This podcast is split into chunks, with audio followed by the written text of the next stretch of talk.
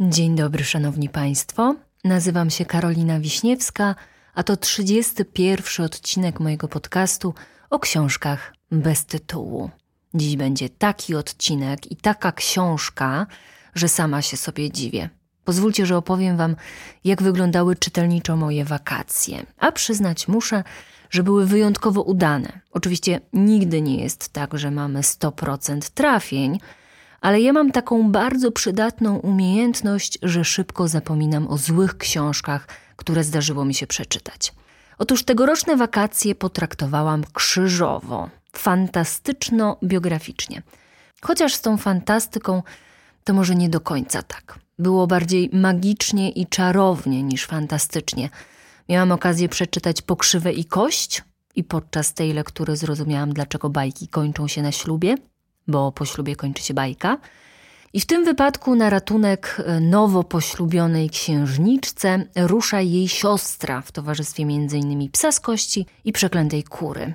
Była również wspaniała książka Joanny Laprus Słowiańskie boginie ziół. Były cztery pory magii, zbiór czterech opowiadań czterech autorek, gdzie odnaleźć można było pół bestiariusza słowiańskiego, naprawdę. Jedną z autorek w czterech porach magii była Aneta Jadowska i przeczytałam także jej cudawianki, ale żeby nie unosić się za długo nad ziemią i nie stracić kontaktu z rzeczywistością, po każdej z tych wymienionych książek wracałam na ziemię i twardo po niej stąpałam, czytając biografię. Nie ma chyba nic bardziej przyziemnego i autentycznego niż biografie, prawda? Tak się złożyło, że biografie te miały wspólny mianownik. Dotyczyły kobiet żyjących w poprzednim stuleciu, które większość swojego życia spędziły w relacjach z innymi kobietami. W taki sposób poznałam bliżej Marię Dulebiankę, czyli partnerkę Marii Konopnickiej, Annę Kowalską, którą łączył bardzo burzliwy i trudny romans z Marią Dąbrowską, i Marię Rodziewiczównę, postać niezwykle barwną, a rozdartą między dwie kobiety. Dwie nieznoszące się kobiety. Biorąc pod uwagę wszystko to, co przeczytałam przez ostatnie dwa miesiące, musicie wiedzieć, że podjęcie decyzji, o czym Wam dziś opowiedzieć, było bardzo trudnym zadaniem. Mm, koniec końców postanowiłam, że jednak będzie lekko i przyjemnie, i jednak będziemy się trochę unosić nad ziemią. O tym jeszcze chyba nie wiecie, ale mam też inną supermoc. Chodzi o wybiórcze czytanie książek, które stanowią część serii. Zazwyczaj dzieje się tak w wyniku mojego roztargnienia albo niewiedzy, ale nie tym razem. Musiałabym być naprawdę niesamowicie roztrzepana, żeby trzymając w ręku książkę cudawianki, przeoczyć napis Nowe przygody rodziny Koźlaków. Także w pełni świadomie rzuciłam się między strony książki, która miała swoją nieznaną mi pierwszą część. Ja w ogóle uważam, że jeśli poszczególne części cyklów można czytać wybiórczo i nadal ogarniać o co chodzi i czerpać przyjemność z lektury, to jest to dla książki bardzo duży plus.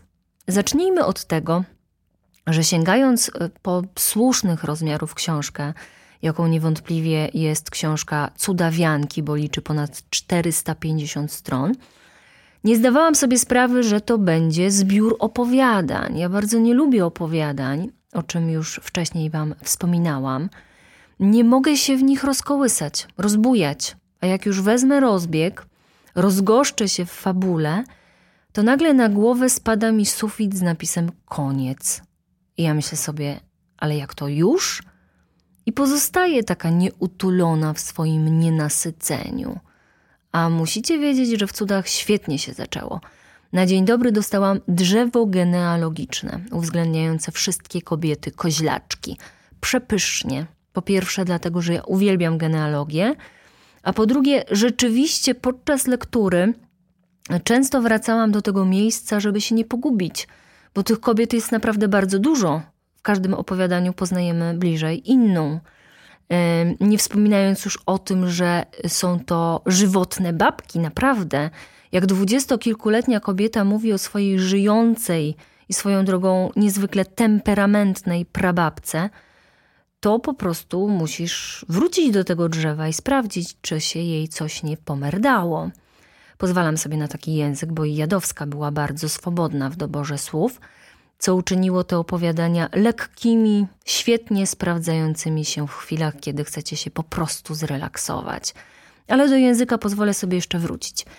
Jeśli ktoś szuka książki o silnych kobietach nie z tego świata, dla których rodzina to rzecz święta, które to kobiety są charakterne, bezkompromisowe, ale w gruncie rzeczy mają dobre serca. Tak, nawet narcyza. Właśnie, noszą przecudnej urody imiona.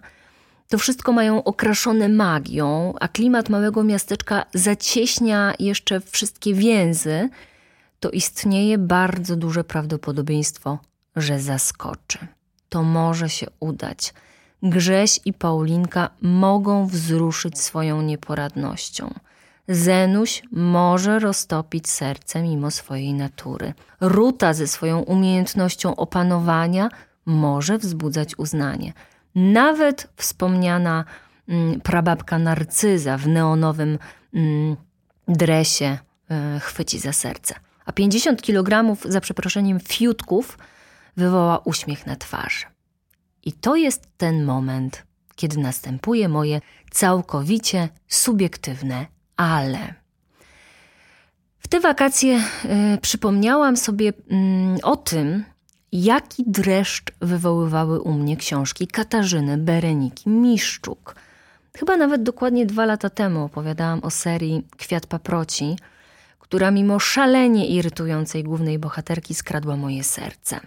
Ja rozkochałam się w słowiańskich wierzeniach. Wertowałam wszelkie źródła, szukając informacji o południcach, wijach i strzygach. Chociaż nadal nie mam swojego egzemplarza bestiariusza, nie wiem doprawdy jak to się stało. Mnie to kręci, mnie to szalenie interesuje. Ja lubię szukać odpowiedzi na pytanie dlaczego, a chrześcijaństwo, a raczej obrzędy i święta – najdelikatniej rzecz ujmując, są mocno zainspirowane słowiańskimi wierzeniami, w związku z czym znalazłam wiele takich mm, odpowiedzi na to pytanie dlaczego. E, ja w tym roku nagle, przy okazji czterech pór magii, przeżyłam coś, jakbym spotkała na ulicy faceta, w którym się kiedyś kochałam.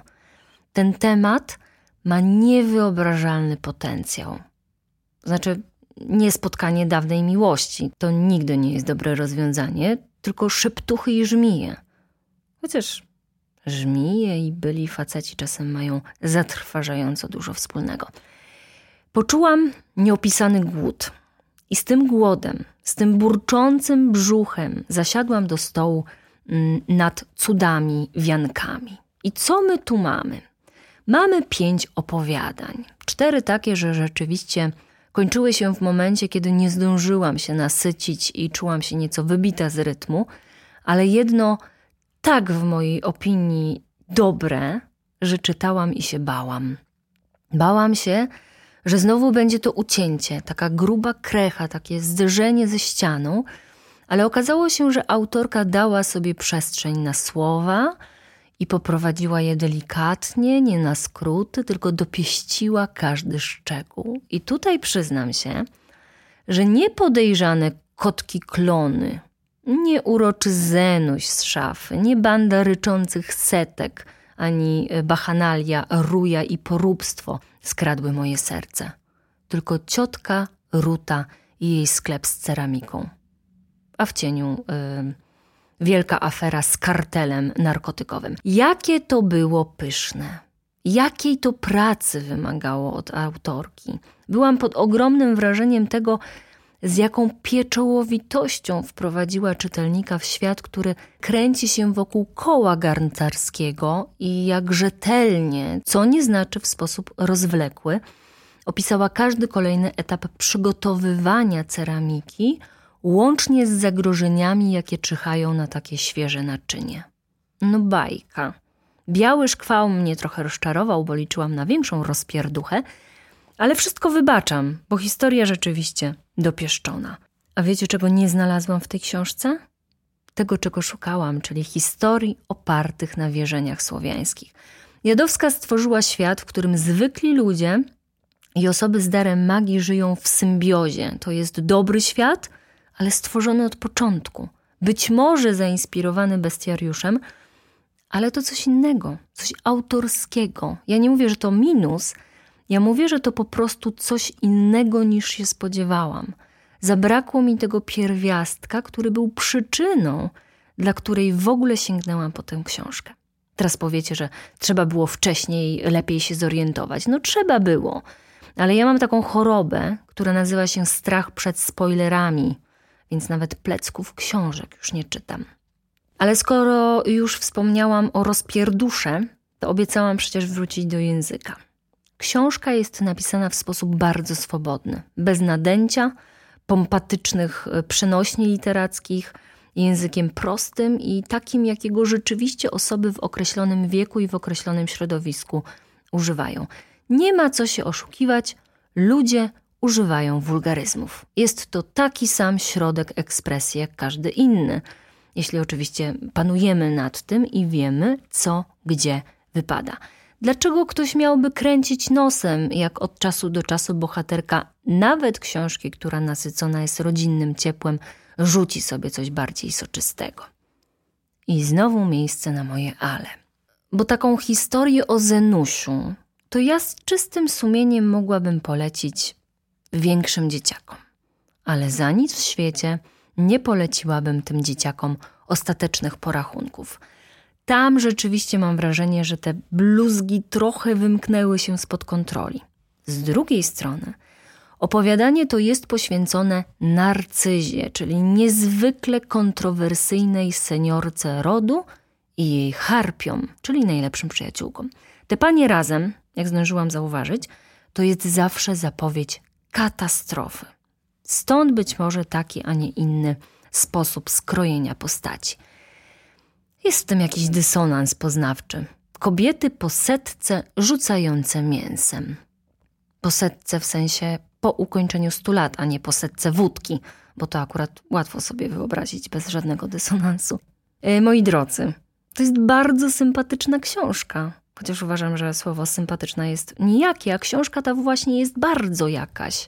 Czuć siłę kobiet. To one są podwalinami rodziny, wspierają się zapobiegają pakowaniu się w kłopoty, a jak jednak któraś w coś nieciekawego wdepnie, to szykują sabat i wyciągają ją z tego szamba za uszy. Nie są bez wad, chociaż główna bohaterka Malina jest trochę zbyt idealna, ale to nic. W każdej rodzinie jest ktoś mdły i to jest okej. Okay. Niech każdy żyje po swojemu. Chodzi mi o to, że kobiety w cudach wiankach grają pierwsze skrzypce i nadają tym historiom takiego niefeministycznego, ale szalenie empatycznego smaku. To się naprawdę dobrze czyta, z takim może zbyt idealistycznym wydźwiękiem, że do nas kobiet świat należy. Pamiętajcie o tym, babeczki, w nadchodzącą niedzielę i idźcie do urn wyborczych, bo wasz głos jest bardzo, ale to bardzo ważny. A na co dzień nie zapominajcie się wspierać. Ja wciąż mam wrażenie, że nikt tak nie dołoży kobiecie jak druga kobieta. I po co tak? Przecież my wszystkie jesteśmy fajne babeczki, każda inna, każda niepowtarzalna i każda wyjątkowa. Ja nawet w październiku na moim Instagramie Cierpkiej Wiśni staram się zachęcić kobiety do obalenia tego o tyle smutnego, co niestety prawdziwego stwierdzenia, że kobieta kobiecie kobietą. Codziennie udostępniam konto jednej twórczyni, bo to niesamowite, jak kreatywne i uzdolnione kobiety mi otaczają. Opatruję taką polecajkę hashtagiem babskie wsparcie i z ogromną przyjemnością czytam wiadomości tych kobiet, którym zrobiłam tym dzień. Tak niewiele trzeba, żeby wywołać uśmiech na czyjejś twarzy. Na mojej twarzy natomiast uśmiech pojawia się zawsze, kiedy dostaję od Was maila na kontakt małpakarowiśniewska.pl kiedy podajecie dalej moje treści, kiedy zostawiacie swoje opinie pod moimi podcastami, kiedy wspieracie mnie też materialnie. Za wszystko Wam bardzo dziękuję. Myślę, że to jest dobry czas, żeby powiedzieć, że osoby wspierające mnie materialnie w ostatnim tygodniu dostały pierwszy link do materiałów przeznaczonych tylko dla nich. Więc serdecznie polecam i kończę dzisiejsze gadanie. Pamiętajcie o wyborach, pamiętajcie o poniedziałkowych odcinkach kartkując mikrofon. Ściskam Was w pasie i wszystkiego najlepszego.